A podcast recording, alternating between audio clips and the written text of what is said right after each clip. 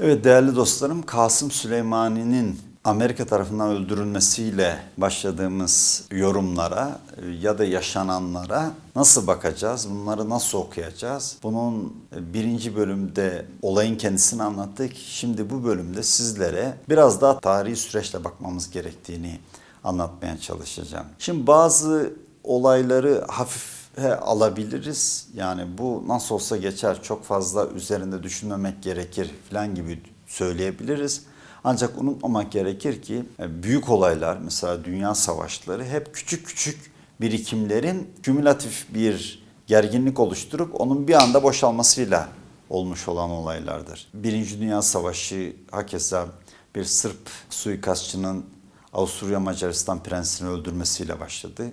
E, İkinci Dünya Savaşı dediğimiz savaşta Pearl Harbor'ı Japonların bombalamasıyla başladı. Yani basit bir olay gibi gözüküyor. Tekil bir olay gibi gözüküyor. Ama bir birikimi patlatması açısından bir barajın biriken stresini ya da enerjisini bir anda boşaltması açısından çok daha büyük olaylara sebebiyet verebilir. Peki bu olayları nasıl okuyacağız? Yani bu olayları bir tarafta İran ve bölgedeki bazı ülkeler onunla birlikte hareket eden. Diğer tarafta Amerika ve İsrail olarak baktığımızda aslında her iki tarafın da teopolitik okumalar yaparak belli bir yöne doğru, belli bir yere doğru bölge siyasetini ve dünya olaylarını sürüklemeye çalıştığını görüyoruz. Teopolitik okumak ne demek? Teopolitik okumak demek kutsal metinlere, Tevrat'a, İncil'e, Zebur'a, Kur'an-ı Kerim'e bakarak oradaki işaretlerden ahir zaman yorumu yapıp neler olacağına göre hazırlık yapmak demek. Teopolitik okumak demek bu. E bu açıdan baktığımızda Amerika'da bir neokonları görüyoruz. Bunlarla birlikte hareket eden İsrail'de Siyonist yapıları görüyoruz. Bu neokonlar Hristiyan Siyonistler olarak tanımlayabiliriz. İsrail'de de Yahudi Siyonistler var. Bu gidişata bilerek ya da bilmeyerek alet olan ya da destek veren Müslüman Siyonistlerden de bahsedebiliriz. Dolayısıyla Siyonizmi farklı bir şekilde okumamız gerekiyor. Şimdi bunlara inanırız inanmayız o ayrı bir konu. Ama bölgeyi büyük bir savaşa hazırlayan, inanç temelli hareket eden ekipler var. Şimdi bunların ne yapmaya çalıştığını anlamak mecburiyetindeyiz. Olayı görebilmemiz için, iyi yorumlayabilmemiz için bu mecburiyeti hissediyoruz kendimizde. O halde oturacağız, teopolitik okumaları yapacağız. Bunlar nereye götürüyor? Bunlar gördüğümüz kadarıyla dünyada Doğu Akdeniz'de Kudüs temelli büyük bir imparatorluk kurma peşinde olan ekipler var. Ve bu imparatorluğu da ancak büyük bir savaştan sonra kurabileceklerine inanıyorlar. Böyle büyük bir savaşa Armagedon diyorlar. E bunun eşdeğeri olarak da Melhemetül Kübra dediğimiz yine büyük bir savaştan kıyamete yakın e, bahseden İslami temelli kaynaklar da var. Şimdi bu savaşta Mehdi'nin çıkacağını, ona hazırlık yapılması gerektiğine inanan Müslüman kesimde insanlar var. Dolayısıyla dediğim gibi inanıp inanmamak ayrı bir şey. Bu işin teopolitiğini çözüp ona göre pozisyon almak bambaşka bir şey.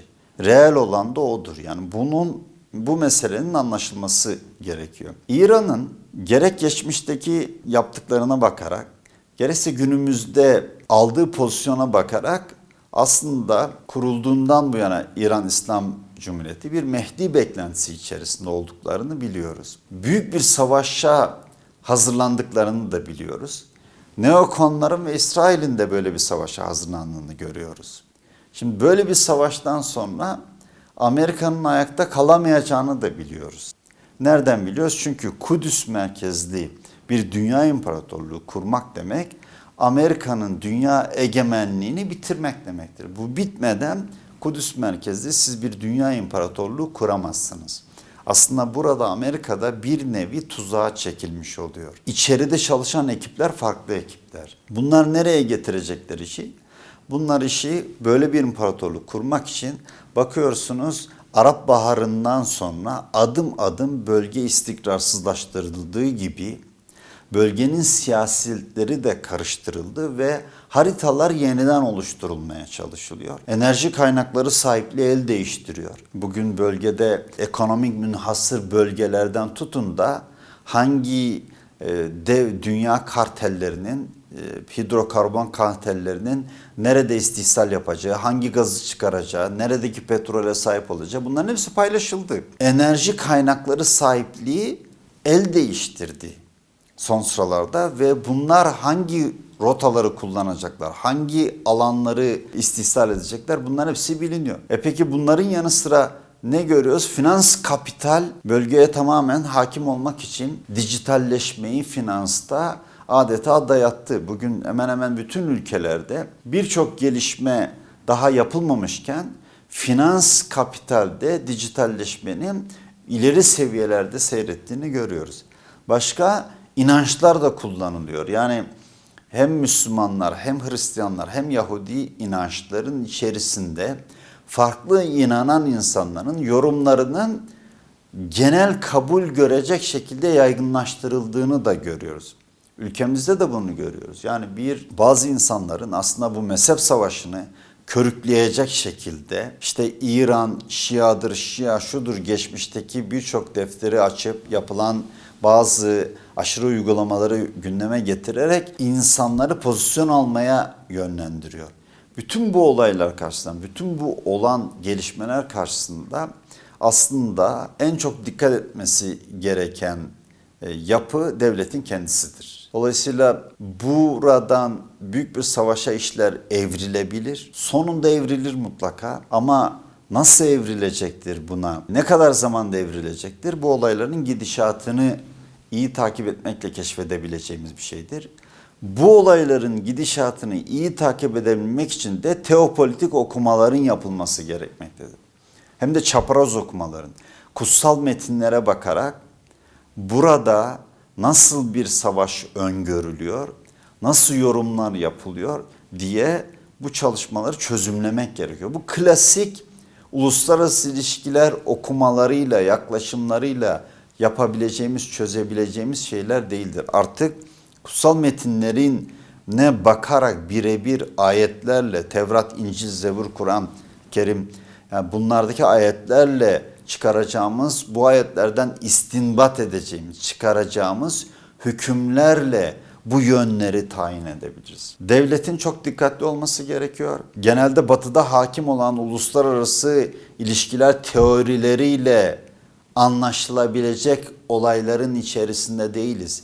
Bambaşka yönden bakma, bakarak anlayabileceğimiz olayların içerisindeyiz. İşler buraya doğru evriliyor, buraya doğru gidiyor. Bizim çok dikkatli olmamız gerekiyor. Devletin ve halkın da bu çerçevede yapması gereken şeyler de var. Olayı buraya kadar getirdikten sonra bir başka bölümde de devletin ve halkın nasıl hareket etmesi gerektiği konusundaki fikirlerimi sizlerle paylaşacağım. Şimdilik hoşçakalınız.